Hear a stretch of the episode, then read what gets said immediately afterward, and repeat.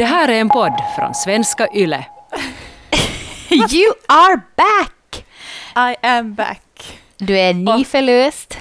Ja, och...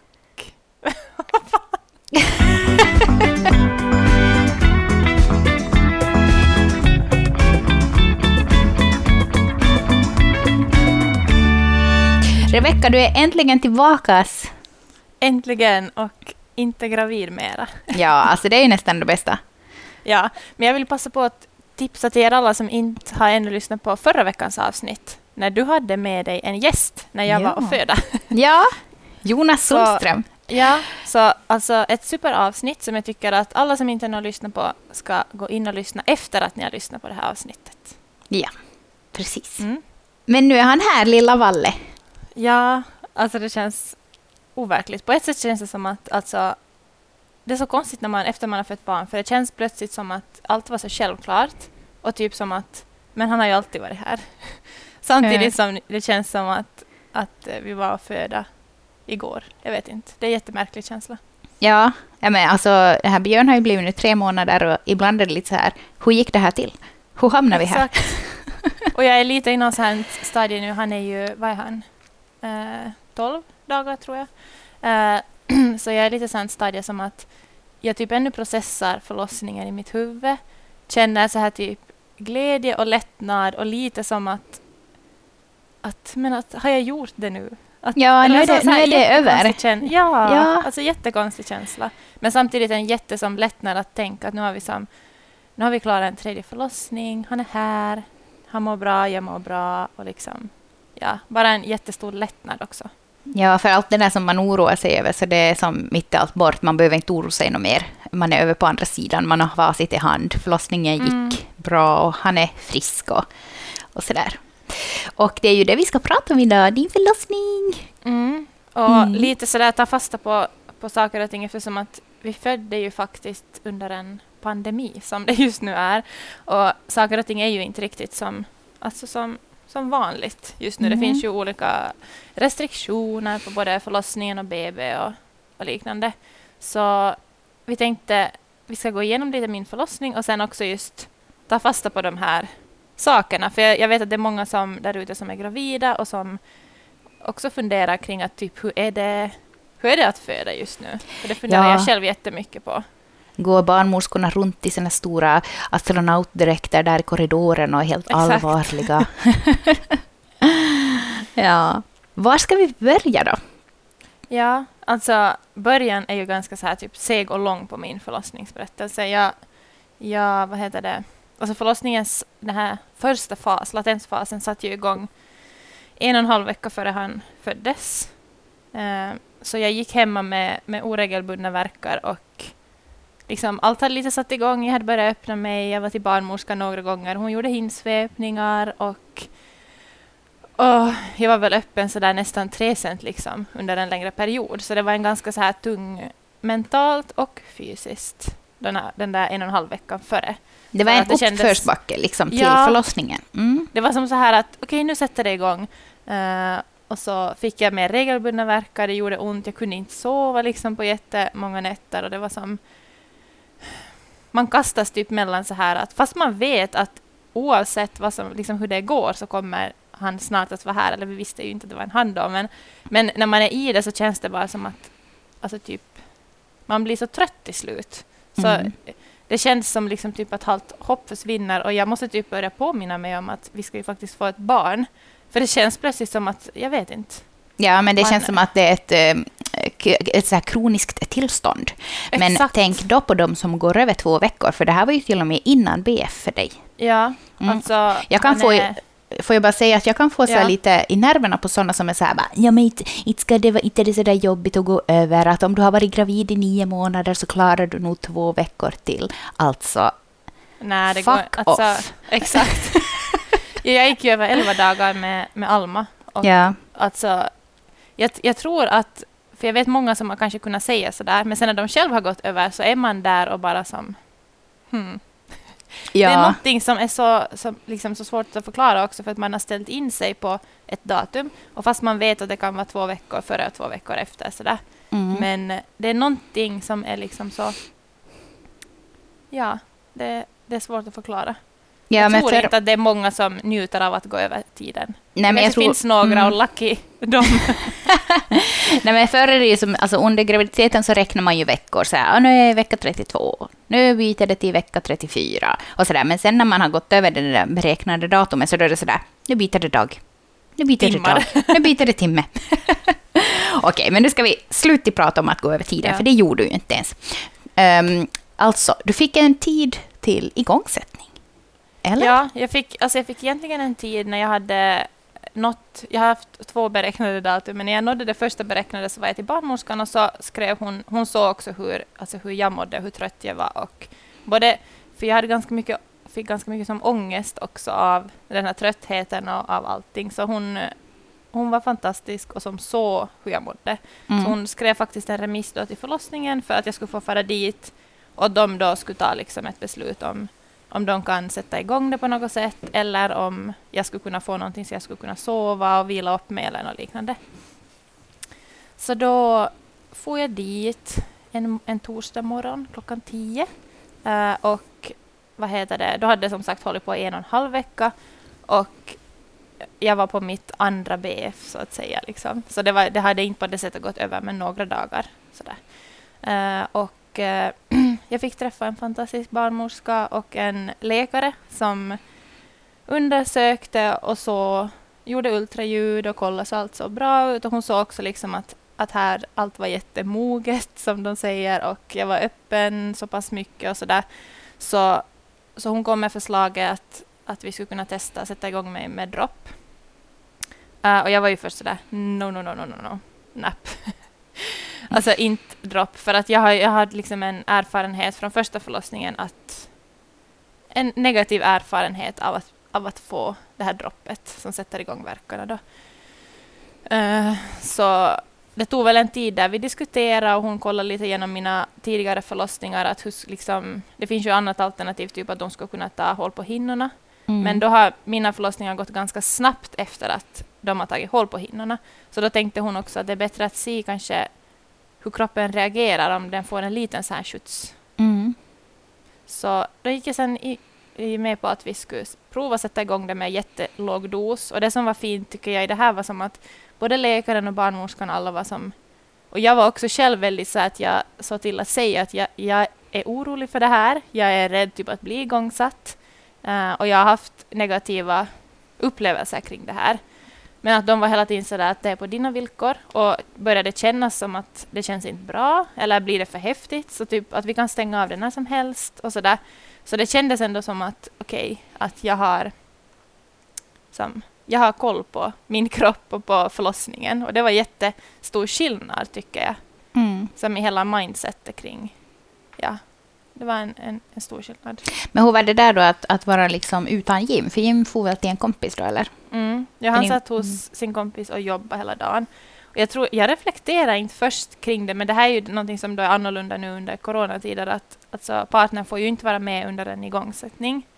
Eh, och jag tror inte jag riktigt ens hade som tänkt att vi skulle bli igångsatta, utan det var mer som att det är så pass långt redan i latensfasen, så han får säkert komma typ direkt, hade jag bara tänkt.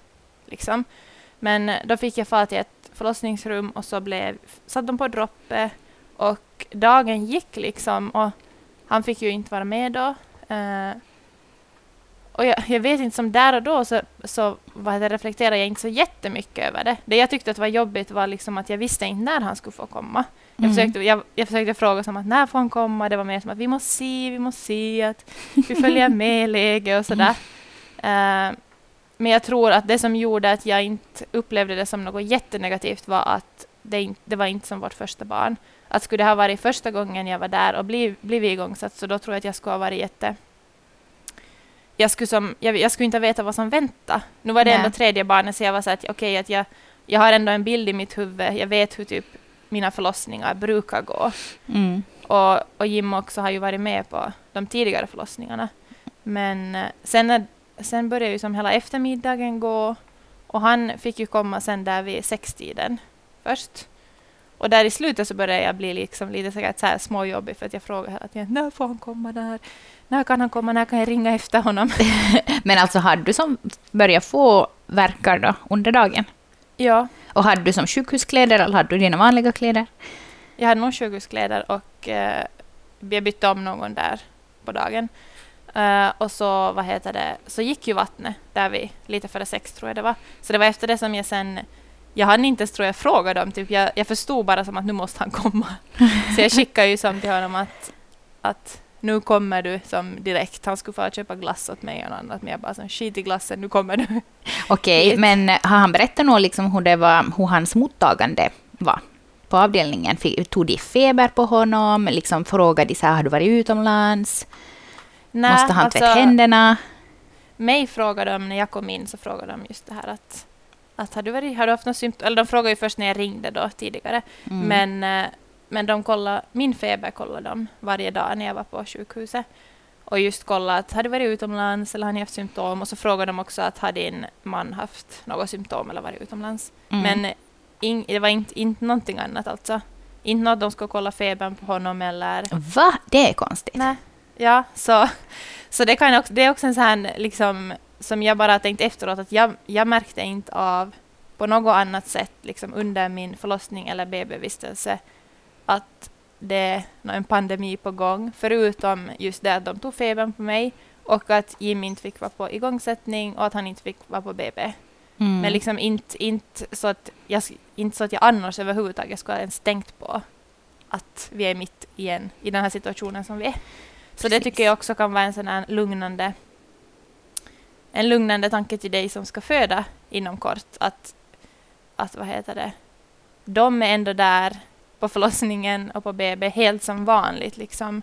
Och de finns där och ja, det kändes tryggt. Det kändes helt som liksom vanligt och det tycker jag var jätteskönt. Ändå. Mm. Mm. Men så gick vattnet då. Du fick visst Mm. en sån här spruta och sen... Men sen, vi- vilken tid ungefär for du till badet? Ja, vi höll nog på där hela kvällen och jag hade tensen och försökte som få igång det. Och så vilade vi ju som sagt då. Och sen efter att jag hade fått vilat en stund så då började det ju som komma igång ordentligt. Och jag tror att vi for väl till badet alltså där mitt på natten någon gång. Alltså jag har lite svårt med tidsuppfattningen. Man blir ju som, jag vet inte, vissa timmar känns ju typ som fem minuter och vissa timmar känns som typ en dag. Ja, verkligen. Mm. Men eh, jag tror att det var typ vid tvåtiden som det började bli jättesjukt. Uh, och då var barnmorskan sådär att ja, men att vi... För hon hade läst mitt förlossningsbrev och var, förstod att det var viktigt för mig att jag skulle vilja föda i badet. Så var hon sådär att men vi far i badet nu och så kan vi komma upp sen om det behövs och så kan du få tillbaks i badet sen när, när han ska födas. Uh, så, men då blev det som jättesjukt och jag började ta lustgas. uh, och sen mellan två verkar så sprang vi till eller jag, jag sprang inte. Jag satt i en rullstol. så for vi till, till badet. Och alltså, då hade jag så jättesjukt. Och jag tror att jag var öppen typ sådär sex cent om jag kommer ihåg rätt. Eh, men att komma in där i det här badkarsrummet var det var helt mörkt. Eh, hon hade tänt ljus och så var det så här bubbelbad och det doftade gott. Och så bara att få stiga in i badet, alltså det var som så här Halleluja. Ja, nej, det men alltså så verkligen. Underbart! Ja, alltså jag hade ju precis samma upplevelse och jag tyckte på något sätt att, att ju mer, alltså först var det tårna som bara halleluja, sen var det vaden halleluja, och sen låret och sen bara snippan och magen och sen bara låg man där som i himmelriket. Ja, för att det är någonting som är så... Alltså, man känner sig så för det första lätt och så kan man liksom röra. Jag tycker att i sängen så varje rörelse jag gjorde var som så här... "Åh, aj, liksom att Ja, man känner det sig så så- tung. Det, ja, och det var så, allt var som så hårt på något sätt. Men sen i vattnet så där kan man liksom svänga på sig och snurra runt och det kändes... Och så just den där också att det var så mörkt där så gjorde jättemycket för mig för jag, blev, jag blir alltid jättelugn av liksom, så jag blev lugn av mörkret Ja, sätt. nej men alltså faktiskt, vi hade ju också precis eh, samma där som du berättar. Mm. Men jag får ju upp ur badet då. Och direkt som vi kom då i förlossningsrummet så jag var ju så här, släck lamporna! Ja. Och de bara, ja förstås, ja, ja, det är klart att vi ska släcka Ja. lamporna. var det helt mörkt konstigt. där, bara famlar i mörkret. Men det är konstigt att det, gör, det gör, gjorde som jättemycket för hela som, eh, alltså, ja. Ja, men sinnesstämningen och just Ja. det här oxytocinet kanske också har lättare att komma om det är mysig atmosfär och inte så här Ja. liksom sjukhuslampor. Mm. Mm. Och det jag hade lite funderat över vad heter det, också före var så att får man föda i badet under coronaepidemin? Eh, men det får man. Och det tycker jag som att vara... För jag, jag, jag var först rädd sådär att om det var så att man bara skulle få vara i sitt förlossningsrum. Men eh, som sagt, jag fick föda i badet och ja, och det är jag jätte, jätteglad över. Och det, jag är också glad över att det gick ganska så pass liksom, snabbt där, så jag hann inte ens nästan reflektera över att han faktiskt skulle komma i badet. För jag hade mer ställt in mig på att jag vill föda i badet, men jag kan inte gå all in för det, för att det är ändå ganska stor risk att jag inte ens vill föda i badet. Ja, och då precis. kommer jag typ att känna mig misslyckad. Mm. Eller sådär.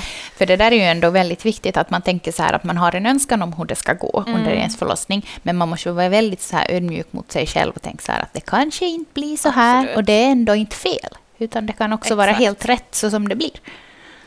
Eh, och jag tror att vi hann vara i badet ungefär en timme före han föddes. Eh, och allt blev som jätte, jätteintensivt när vi kom i badet. Eh, här är jag, alltså, jag är så glad att vi gick på den här profylaxkursen som vi gick före. För att vårt samarbete med Jim och liksom hur han var med i den här förlossningen, så går, det går inte ens att jämföra med hur det har varit de andra gångerna. Eh, och det var också så fint sen när barnmorskan sa efteråt att hon, hon såg som hur, hur vi hade som pratat ihop oss och att han visste exakt vad jag behövde och vad jag ville. Att hon, jag blev som nästan lite små hysterisk där i slutet för jag hade så ont. Så hon liksom litar på honom, att han vet typ vad jag behöver. Ja, det precis. Det var som att du, du ropade någonting och sen så hon Ja. på Jim bara ja eller nej. Han bara nej. Jag var sådär, PCB! Jim bara, nej. För att det som också var jätte, tycker jag var, var en av orsakerna till att jag våg, vågade föda i badet, så var att de har ju lustgas där nu. Ja. Så den enda smärtlindringen som jag hade där så var ju lustgasen. Ehm, och som sagt, det blev jätteintensivt också kanske för att jag kunde slappna av mera i vattnet. Så sen när varje verk kom så var det typ som att varje gång hon undersökte så det känns som att vid varje verk så typ öppnade jag mig en halv cent. Att det Mm. for som jättesnabbt. Mm. Eh, så till slut var hon sådär att nu hinner du som inte med något PCB mera, att nu, nu han kommer att komma i badet. och så var hon sådär att vet ni hur det går till när man föder i badet? Vi bara var, eh. Hon var Vad sådär sa att, hon ja, då? jag, hon var att jag, jag kommer att stå här på sidan och som Rebecca kommer att sköta typ allt. Och jag bara... eh. Men det, jag hann inte som ens reflektera kring det för att det, det kom så naturligt. Alltså det, det tycker jag var typ det häftigaste med det här var att när... Sen, jag fick ändå ganska snabbt krystbehov och då var jag nästan... Jag tror jag var typ lite på 9 cent så jag fick som inte krysta då direkt. Nej. Men eh, sen ganska snabbt då så hade den där sista kanten farit bort så då var jag öppen 10 cent och så eh, fick jag börja krysta. Och jag alltså, jag, de andra gångerna hade det varit som sådär att jag har luggit i sängen och så hade det varit sådär nu krystar du 1, 2, 3, 4, 5, 6 och så här, ah, nu tar du andning och så krystar du på nytt. Mm. Men nu var det helt som så här att jag krystade när jag ville krysta. Mm. Och det kändes som att jag liksom, jag krystade inte, jag tryckte inte utan det bara liksom... Jag lät det liksom komma som det kom. Hur ska jag förklara? Men det alltså he- jättehäftig känsla. Och, Mm. och just typ så att det nästan kändes som att man typ åkte framåt i badet för att det kommer så starkt den där typ neråt Mm. känslan. Ja. ja, det är helt otroligt. Alltså helt galet. Ja. Just det där då man inte har någon smärtlindring och man verkligen har full kontroll över kroppen och vad som sker. Eh, och man känner allting. Eh, och faktiskt får känna den där liksom på något sätt urmodern som på något sätt kommer från ryggmärgen och Mm. bara tynger neråt. Liksom. Nej, det är helt, alltså helt, helt sjukt. Mm. Eh, och jag krystade i typ, vad var det, 11 minuter tror jag. Eh, först så gick det, alltså, jag fick helt krysta i min egen takt och sådär. Sen började hans hjärtljud sjunka. Eh, jag, jag uppfattade inte det här i, i stunden för jag var som så inne i någon sån här smärtmoln eller i mig Mm. själv liksom. Mm. Men eh, sen när hans axlar skulle komma ut så då, då, var de, då tog det lite länge innan jag fick liksom den där typ sista krystverken eller för han kom ut. Så då, och när hon sa det till mig som att nu måste han komma så det, jag vet inte om jag mentalt påverkades av det också för det tog som det tog ännu längre, det kom som ingen verk. Mm. Eh, så då var hon sådär att, men att vi nästa, hon hjälper, som, hon hjälper axlarna ut för att han måste komma ut nu när hjärtljuden börjar få ner. Eh, så då hjälpte hon ut hans axlar och sen så tog jag liksom emot honom från henne Mm. Eh, och lyfte upp honom. Men ni visste inte om det var en pojke eller en flicka? Kan du inte Nej. berätta, berätta om hur det var? Liksom, så, såg du det själv Eh. eller var det Jim som sa någonting? Eller Alltså jag, barnmorskan? jag tänkte inte alls på det. Nej. Eh, och de sa inte heller som direkt, för jag tror att de är ganska vana att man vet kanske Ja. vad det är. Mm. Så vad heter det, Jim såg väl när, hon, när jag tog upp honom på bröstet liksom, Ja. att det var en pojke. ja. Men jag såg, jag såg inte liksom själv. Jag, jag tänkte inte alls på det. Och jag, Nej. Sen tog det en stund innan jag frågade som att är det en pojke eller flicka? Ja. Och så var det, var, jag tror det var Jim som var sådär att det är en pojke. Och jag, jag kunde som inte riktigt ta in det för jag hade ändå nog tänkt i slutet att det skulle vara en, en flicka. Så det var helt Ja. som så här. Men det kändes absolut inte alls viktigt i den stunden. Nej. Så det var som, ja. Men det tog nog en tid för mig att smälta, speciellt när jag inte hann... För jag fick ju som upp honom på bröstet, men han var ganska som... De andra, alltså flickorna har varit ganska så här, vad ska man säga? eh, Spänn, eller inte nu spända, men när de skriker när de kommer upp så är de ju ganska som så här. Ja, men att de lite lyfter Ja, knäna och, och sträcker exakt. ut armarna. Och, Men han var jättesom eh, så här slapp, liksom. Och han Mm. skrek nog lite, men inte alls så som flickorna heller har gjort. Och han hade haft, de märkte när han kom ut att han hade navelsträngen två varv runt halsen. Eh, och vad heter det? Så jag tänkte kanske att, att det var därför som han var liksom lite slapp när han kom upp. Eh, men sen när tre minuter hade gått så då var de sådär att nu måste vi klippa navelsträngen, att vi måste fara till det här, vad det nu, det här rummet som är bredvid förlossningssalen. mm. Eh, och typ suga upp lite fostervatten eller få igång hans andning. Liksom. Eh, och där ännu så var jag inte heller orolig för att jag har liksom, jag vet så många var, vars barn har hamnat fara dit till det här rummet då och så har de varit där någon minut och så har de kommit tillbaka. Mm. Och det var också det hon var sådär till mig att han kommer tillbaka snart, att allt är nog så här, det här är jättenormalt och sådär. Eh, Steg du så upp ur badet då så länge? Eh, Jim och Eh, baby och de for? ja, de, de sprang iväg först och sen, sen skulle jag ju upp ur badet och det är ju inte trevligt. Nej. Alltså. Nej. Man känner ju sig som typ 150-200 kilo. Det, det var inte som att stiga ner. Nej, absolut inte. Och så, så började jag, jag har alla gånger efter, att, alltså efter förlossningen börjat skaka jättemycket. Ja. Säkert med alla muskler eller som hela anspänningen på något sätt. Så Mm. att försöka stiga upp där och sen skaka helt och så skulle ju moderkakan hade ju inte kommit ut ännu så den, det var ju därför vi skulle få till förlossningssalen. Men hon fick, vi fick upp mig och så får vi till förlossningssalen och körde förbi det här rummet då var han var. Men jag, jag, jag hörde som inte, det var kanske då jag blev, började bli lite orolig för jag tyckte inte att han skrek så som han borde. Som han Såg du, såg du dem där? Nej. Du såg inte dem Eh, heller? Så, du- alltså, Eller jag, såg, jag såg bara att det stod mäns människor där. Ja, Jag såg liksom inte vad som höll på. Och så får vi till förlossningssalen och de fortsatte vara där en stund. Jag vet inte, kanske de var en halvtimme eller vad de nu var där. Eh, och sen efter att det hade kommit några barnläkare så bestämde de att han skulle fara upp till, till in- barnintensiven. Men visste du det att- då?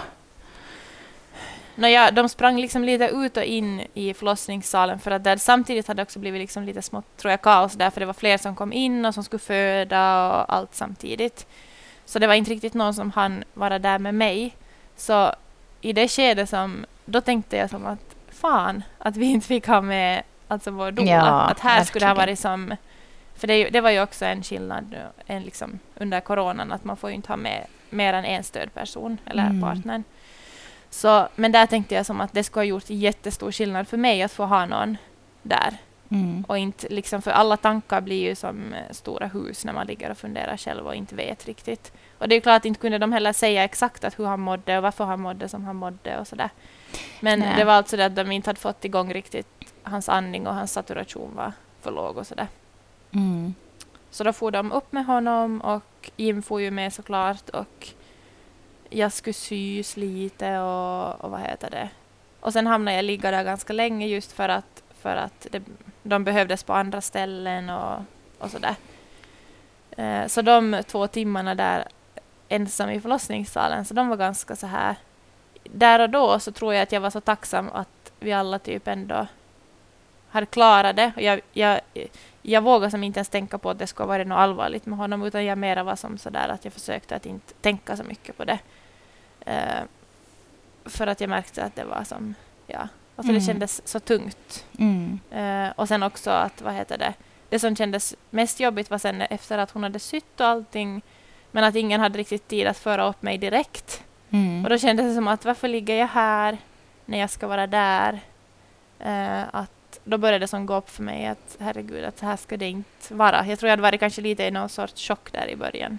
Ja, men också av- lite sådär, alltså, då man just har fött så är det ju så att man lägger Mm. huvudet bak och bara åh. Så liksom Ja. att man måste bara få återhämta sig några stund liksom. Ja. Innan tankarna kommer ikapp. Men eh, fanns det någon gång eh, någon tanke hos dig? För hur var du som i skick? Kunde du kunna gå? Nå, alltså jag, jag skulle nog säkert ha kunnat gå, men jag vad heter det, var väldigt så här, som de andra gångerna, så har jag typ kunnat svimma direkt efter. Ja, så, jag var, så jag var nog inte det skicket att jag riktigt skulle kunna stiga upp och bara gå heller och gå upp till, till intensiven. Eh, kanske krypa. ser en nyförlöst kvinna komma krypande. kan droppa blod och du bara, eh, håret är blött och hänger framför ansiktet och du bara kommer och några så här mammor som ska föda kommer emot dig och bara, eh, är det här corona? är det corona som kommer? Nej, men sen efter typ två timmar väl, så då, då körde hon upp mig eh, i rullstol till intensiven och där, där vad heter det, så låg han på, på Jims bröst tror jag när jag kom upp.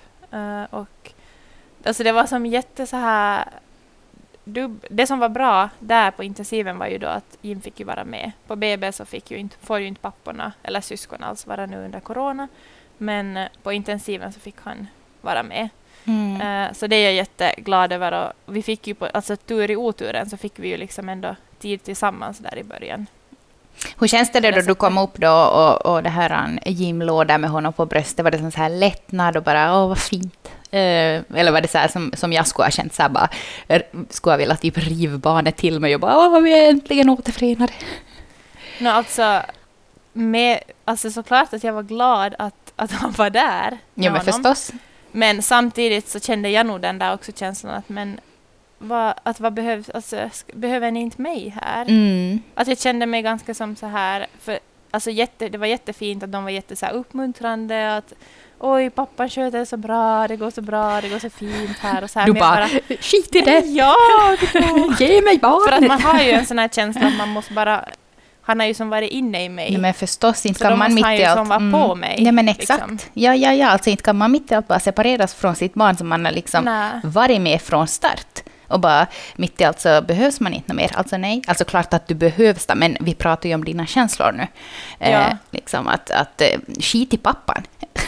Ja, bara som att få hö- att liksom, jag tror att jag skulle behövt som ännu mer bekräftelse på att du behövs här. Ja. För att det kändes kanske lite som att, att ja, men att vi har, vi kan ge vad heter det, donerad mjölk åt honom här. Han kan han klarar det bra liksom. Alltså nej. Eh, så ja. Nej. Men sen, där, där är jag också glad att det inte var första barnet, för jag tror att jag skulle inte ha vågat liksom...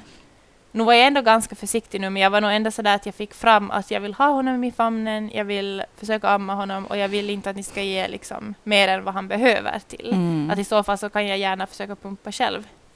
Eh, så där är jag jätteglad att vi har haft liksom, att jag har haft vänner att prata om sånt här med och att vi har haft ändå dolan med liksom före förlossningen och att vi har gått på profylaxkurs och allt.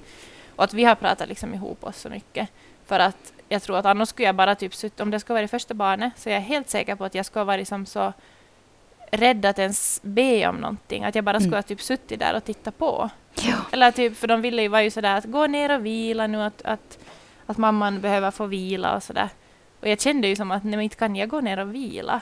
Men eh, jag gick och försökte vila, men jag låg ju bara där typ och stirrade i taket och grät och var som så att här kan jag inte vara. Nej. Att fast jag är trött så då ligger jag hellre typ och man är ju ändå som hög på något sorts sån här alla hormoner och allt första dygnet. Mm. Så det är som att shit samma om jag är trött. Men att då kan jag ju typ sova med honom på mitt bröst. Ja, typ på en pall. Sittande Ja, ligg på golvet. Ja. Nakupelle. det har ingen skillnad. Oh, that escalated quickly. nej, men det är ju så. Ja, nej, alltså inte kan man ju som... Alltså, ja, nej, jag, jag bara som känner sen den här liksom känslan av att man bara... Man vill ju vara med sin baby. Man vill ju bara Mm. som vara ihop. Man vill ju aldrig släppa dem då de väl har kommit ut. Ehm, och speciellt om, om eh, möjligheten fanns för dig att sitta så som Jim då satt med honom där då du kom upp Mm. så Nej, jag förstår verkligen att du kände att du inte ville vara där nere och vila på BB. Men det är som så dubbla känslor för att det känns, när man är i den situationen så är det som att samtidigt jag är så tacksam för att alla ändå mår bra och hans saturation kom ju som upp ganska snabbt och vi, han fick byta från en sån här CPAP till en grimma efter några timmar och sen på kvällen så kunde de ta bort hans den här extra liksom syre eller vad det nu var. Uh, så liksom han började ju snabbt ändå må bättre. Mm. Uh, så jag var ju samtidigt så jättetacksam över det. Och då känns det som att då känner man sig lite smådum nästan för att här är jag och tycker att det är jobbigt att vara ifrån honom två timmar och att jag inte typ får liksom mer som så att var nu tacksam och få typ och vila en stund och sådär men det är som inte, fast det kanske låter logiskt så är det inte i den stunden det. Nej, det är liksom. helt ologiskt att mitt i allt liksom inte vara varandra. Ja, men att inte vara i samma rum som sin nyfödda. Exakt. Eh, men vi var där alltså första dygnet på, på intensiven och så fick vi familjerum till kvällen. Men Jim for hem sen med flickorna för att vi hade som planerade från början eftersom att han inte skulle fått vara på BB. Och sen dagen efter så var de så där att jag skulle fått bli kvar där med honom. eh, men jag valde att, att, ta honom, eller att fara till BB, att vi var där som ett dygn på BB. För att det kändes på något sätt som att eh, för att typ kunna lämna sjukhuset med den här känslan av att jag är trygg i att han mår bra, jag mår bra, så kändes det jätteviktigt för mig att vi var liksom på BB. Att nu, nu är han frisk, jag mår bra och det är här vi ska vara före vi far hem. Typ. Mm. Och sen samtidigt också att jag tycker att vården var ju helt super där uppe på intensiven. Uh, och de gjorde ju, alltså, det var ju jättebra. Men där nere på BB så har de med just den här baby-friendly, hjälpte till med amningen och uh, det är en annan så här lugn stämning där. Och det mm. kändes som att det är, det, det är den bilden jag måste ha när jag lämnar härifrån. För att inte komma hem och typ vara hela tiden orolig. Att hur andas han? Hur mår han? Har han feber?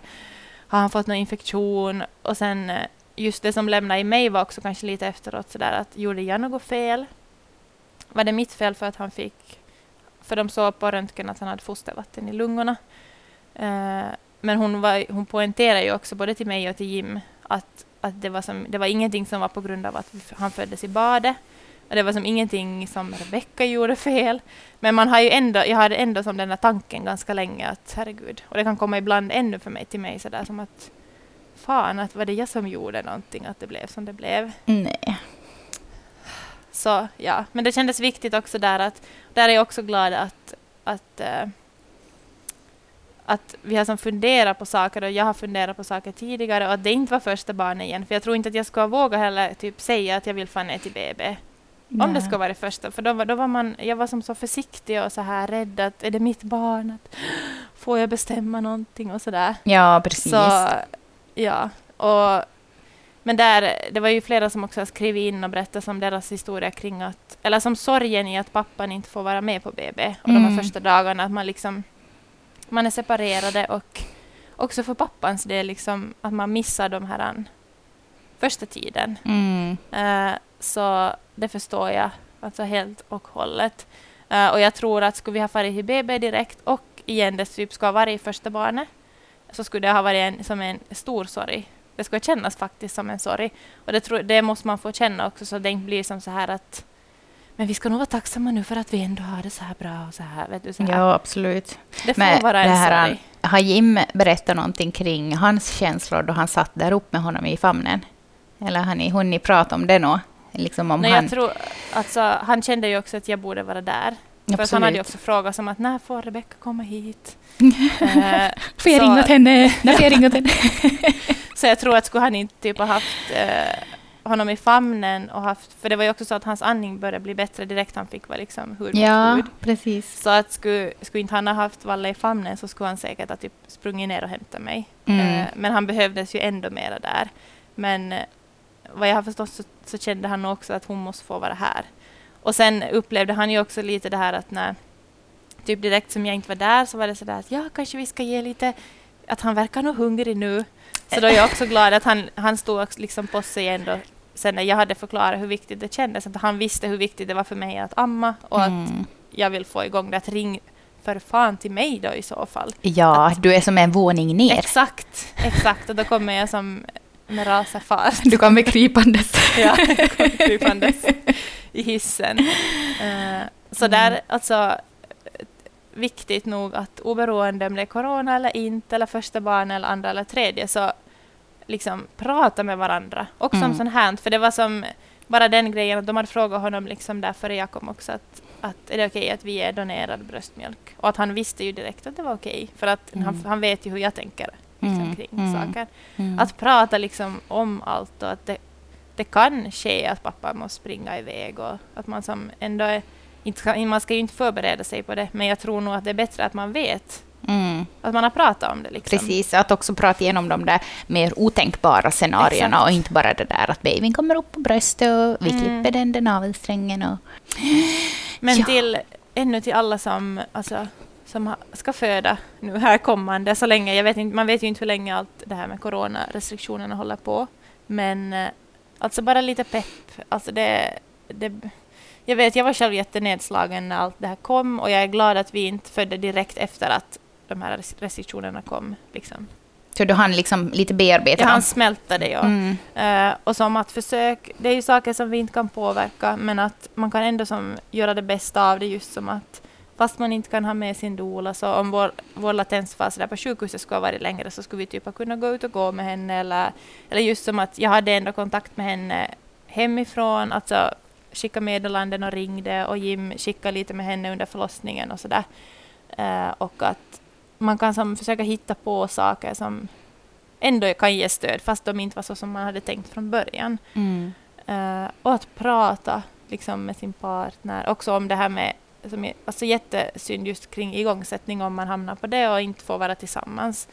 Eh, men att försöka som jobba när man vet att så här är det, om man då vet typ att man blir igångsatt, att försöka som prata om det och göra en plan tillsammans ändå. Att hur kan, hur kan, hur gör vi det typ på bästa sätt? Och att våga säga också där på, på förlossningen, för det tycker jag har blivit bättre med vid för varje som förlossning nu, att, att våga säga att det här är jag rädd för och det här är jag orolig att ska hända och att skriva ner liksom just att så här önskar vi att det ska gå och att våga som säga det, för annars går man typ och är orolig själv för det och så kanske det blir någonting som typ bromsar alltihopa. Mm, precis. Mm. Stort lycka till till alla er som ska föda snart, inom kort. Mm. Vi håller tummarna för er. Nästa vecka så ska vi prata om nappar. Tuttar. Tuttarnas vara och icke vara. hur, hur tänker man? eh, Ska man ge tutt åt sitt barn eller inte? Hur blir man av med dem någon gång? Eller har de dem ännu på konfirmation? Och när ska man göra sig av med dem? Och hur har ni gjort? Vi vill ha era historier. Har ni gett dem till julgubben? Har ni bara kallt och liksom, att nu är det slut, nu är det slut på det här, där på konfirmationskalaset. Hur har ni gjort? Ja. Vi hörs igen nästa vecka. Ha det så bra. Ha det så bra. Hej då. Det här är en podd från svenska YLE.